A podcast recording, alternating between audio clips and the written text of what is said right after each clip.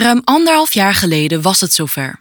Na jaren van overleggen, consultaties, ontwerpteksten en uiteindelijk definitieve teksten trad MIFID 2, één jaar later dan gepland, in werking. Vanaf 3 januari 2018 moesten alle beleggingsondernemingen in Europa aan MIFID 2 voldoen. Ik hoor u denken: januari 2018? Oud nieuws. Dat is nu toch niet meer relevant? Het tegendeel is echter waar. De Europese toezichthouder ESMA, de Europese Commissie en de Nederlandse toezichthouder AFM hebben de afgelopen anderhalf jaar niet stilgezeten. Wat is er dan allemaal gebeurd? ESMA heeft al haar MIFID 2 QA's aangescherpt en uitgebreid, richtsnoeren over verschillende onderwerpen opgesteld en consultaties uitgestuurd. De Europese Commissie heeft verschillende gedelegeerde verordeningen gepubliceerd en de AFM heeft toezicht uitgeoefend en aandachtspunten voor de markt geformuleerd. Kortom, MIFID 2 is nog net zo relevant als anderhalf jaar geleden en verdient nog altijd de volle aandacht. In deze podcast gaat Charco en Diek in op de ontwikkelingen op het gebied van MIFID 2. Schrik niet, we zullen u niet overweldigen met een eindeloze uiteenzetting van de richtlijn zelf, de bijbehorende MIFIR-verordening, de gedelegeerde verordeningen, de tientallen documenten met technical standards en de waslijst aan QA's, richtsnoeren en interpretaties. Nee, om het enigszins behapbaar te houden, beperken we ons in deze podcast tot één centraal thema van MIFID 2: geschiktheid en passendheid, ofwel suitability and appropriateness. We beginnen met een terugblik op de publicaties die er in het kader van geschiktheid en passendheid zijn geweest. Vervolgens kijken we vooruit. Welke wijzigingen en publicaties zitten er nog aan te komen? Als laatste geven we u een kijkje in de keuken van de AFM. Wat zijn de komende tijd de focuspunten van de AFM? Waar moet u op letten? En hoe kunt u zich hierop voorbereiden? Voor we hierop inzoomen, is het echter handig om nog een keer toe te lichten wat MIFID 2 nu ook alweer inhoudt. MIFID 2 is de afkorting voor Markets in Financial Instruments Directive.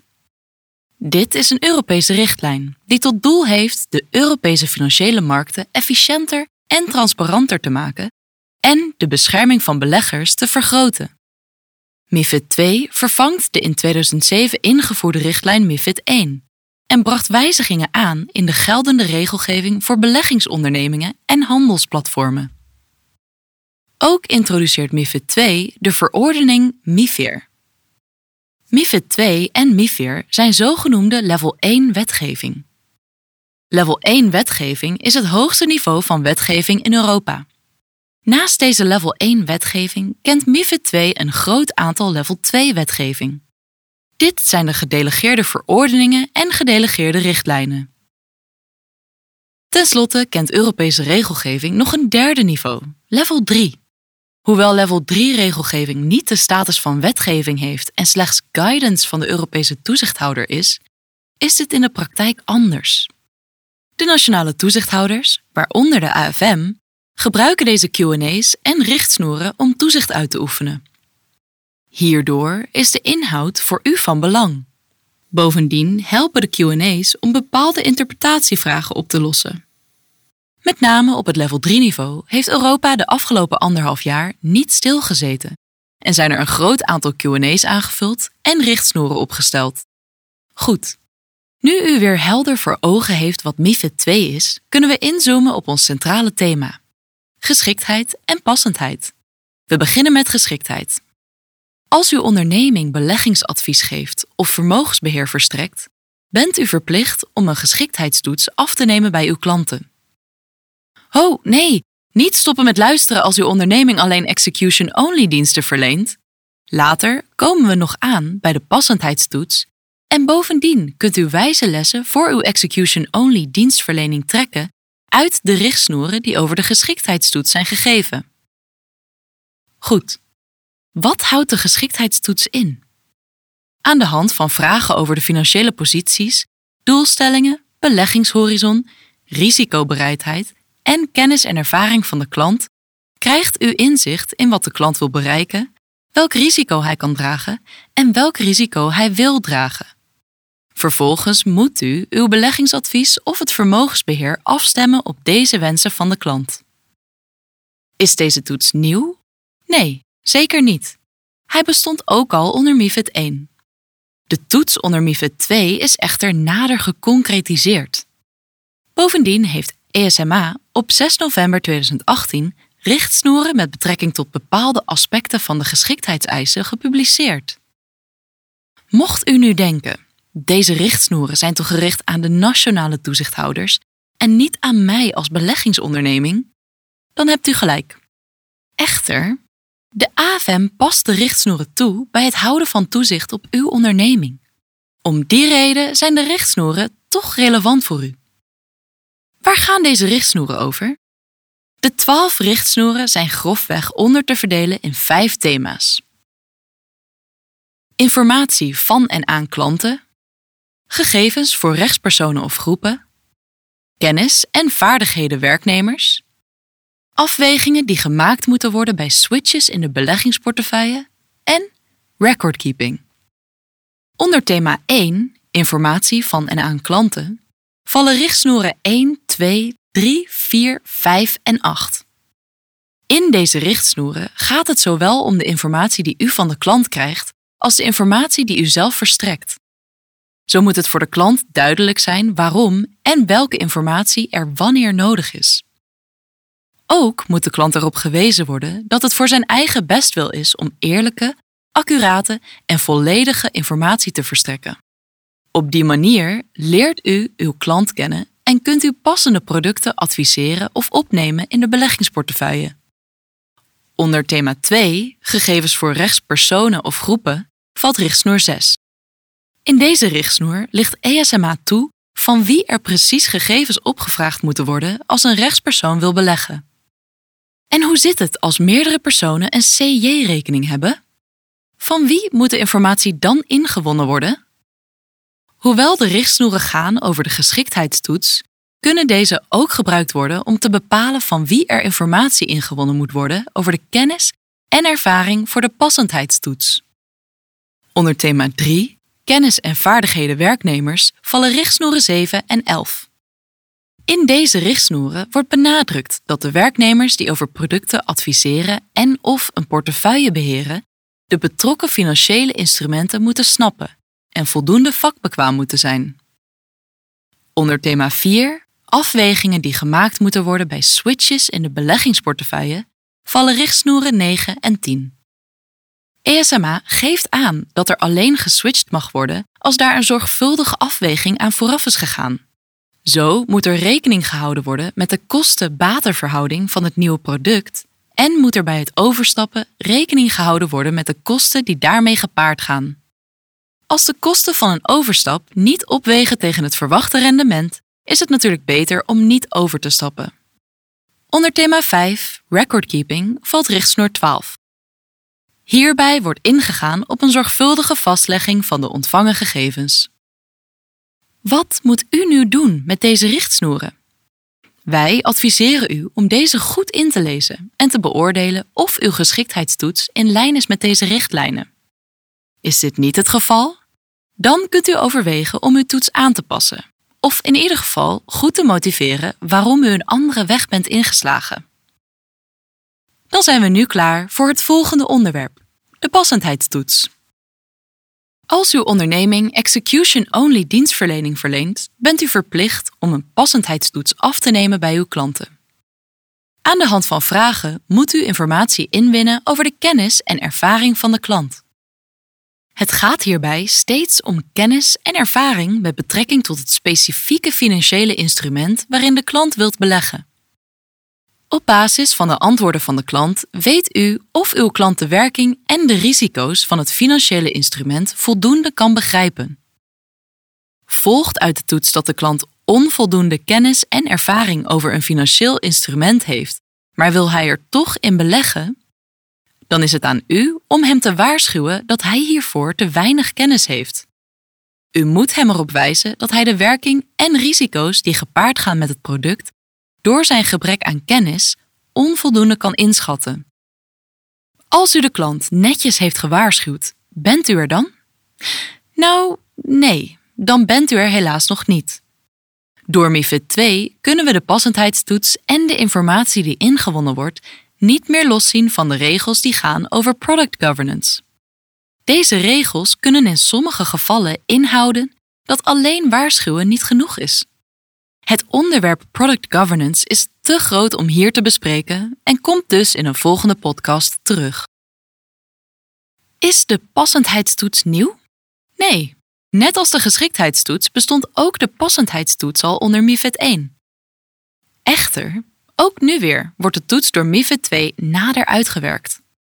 Er is verduidelijkt dat de kennis van de klant echt getoetst moet worden.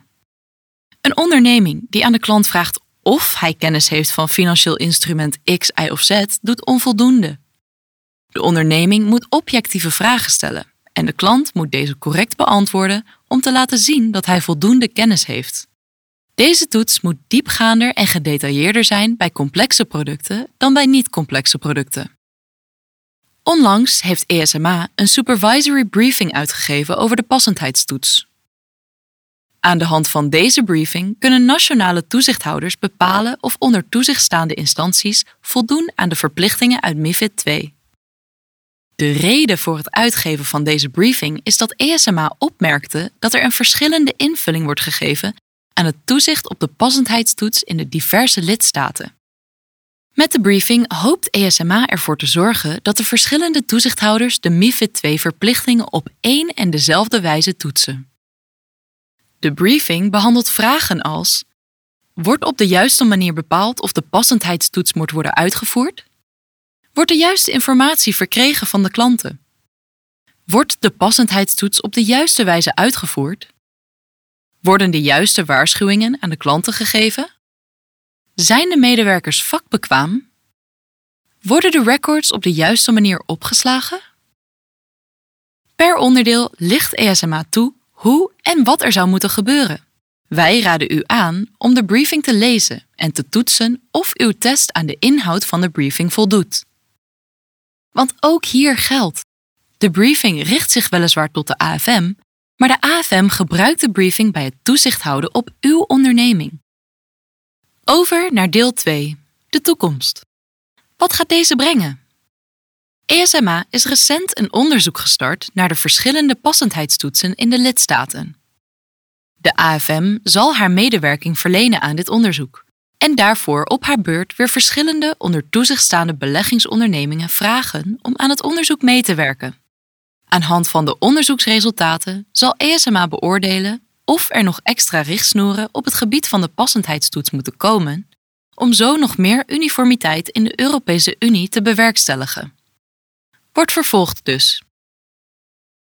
Nu we u hebben bijgepraat over de laatste ontwikkelingen rondom de passendheids- en geschiktheidstoets, zijn we aangekomen bij het derde en laatste onderwerp van deze podcast. Een kijkje in de keuken van de AFM. De AFM heeft eerder dit jaar via een persbericht duidelijk gemaakt dat de vertaalslag van de MIFID II-normen naar de praktijk op een aantal punten onvoldoende is in de gehele markt. De AFM roept partijen daarom op om verbeteringen door te voeren. Om welke normen gaat het dan precies? Volgens de AFM hebben ondernemingen de regels in zaken kostentransparantie, product governance, transactierapportage en vakbekwaamheid nog niet goed genoeg geïmplementeerd. Laten we eerst kostentransparantie nader onder de loep nemen. MIFID 2 heeft het landschap van regels over kostentransparantie compleet veranderd. Sinds 3 januari 2018 moeten alle, maar dan ook echt alle, kosten transparant gemaakt worden aan uw potentiële klant, zowel voorafgaand aan de beleggingsdienstverlening als achteraf. De AFM geeft aan dat beleggingsondernemingen momenteel nog niet transparant genoeg zijn over de kosten die in rekening gebracht worden. Bovendien moeten de kosten genoemd in MIFID 2 zowel in absolute getallen als in percentages in kaart gebracht worden. Dit gebeurt nu in de praktijk nog niet. Daarnaast moeten de kosten toegespitst zijn op de individuele situatie van de klant en moet het effect van de kosten op rendement weergegeven worden. Alleen op die manier kan een potentiële klant de kosten van verschillende dienstverleners met elkaar vergelijken. Vervolgens komen we toe aan product governance, Dit is een nieuw onderwerp dat door MIFID 2 geïntroduceerd is. Zowel ontwikkelaars van een financieel instrument als distributeurs moeten Product Governance Procedures hebben. Wat houdt dit in? Kort samengevat, moet u voor alle financiële instrumenten die u maakt of verkoopt een doelgroep en distributiestrategie bepalen en ervoor zorgen dat het product aan die juiste doelgroep verkocht wordt. Hierbij moeten de producten jaarlijks opnieuw onder de loep genomen worden. De AFM is van mening dat partijen, in ieder geval bij execution-only dienstverlening en bij meer ingewikkelde producten, de doelgroep en de distributiestrategie niet scherp genoeg vaststellen. Hierdoor lopen klanten het risico dat ze producten krijgen aangeboden die helemaal niet geschikt is voor hen. Zoals al aangegeven, we zullen aan het product governance onderwerp nog een aparte podcast wijden. Rapportage van uitgevoerde transacties bestond al onder MIFID 1 en is dus niet nieuw. Wat wel nieuw is, is dat er veel meer informatie aan de toezichthouder gezonden moet worden. Ruim 60 velden moeten ingevuld worden en worden gerapporteerd. De AFM is van mening dat zowel de volledigheid als de kwaliteit van de gerapporteerde data niet goed genoeg is. Hier moeten partijen dus aan gaan werken. Het laatste onderwerp dat de AFM onder de aandacht heeft gebracht is de vakbekwaamheid van medewerkers. Bij de inwerktreding van MIFID 2 waren er nog geen geaccrediteerde examens beschikbaar waarmee de vakbekwaamheid kon worden aangetoond. Deze zijn er inmiddels wel, waardoor u nu in staat bent om aan te tonen dat uw medewerkers vakbekwaam zijn. De AFM geeft aan dat beleggingsondernemingen ervoor moeten zorgen dat hun medewerkers de juiste diploma's op zak hebben. Dan zijn we nu aan het einde gekomen van deze MIFID 2 podcast. Maar wilt u ondertussen meer weten over dit onderwerp, bijvoorbeeld over wat MIFID 2 voor uw onderneming inhoudt, of over de regels die er nog aan zitten te komen? Neem dan vooral contact met ons op. Onze specialisten helpen u graag verder.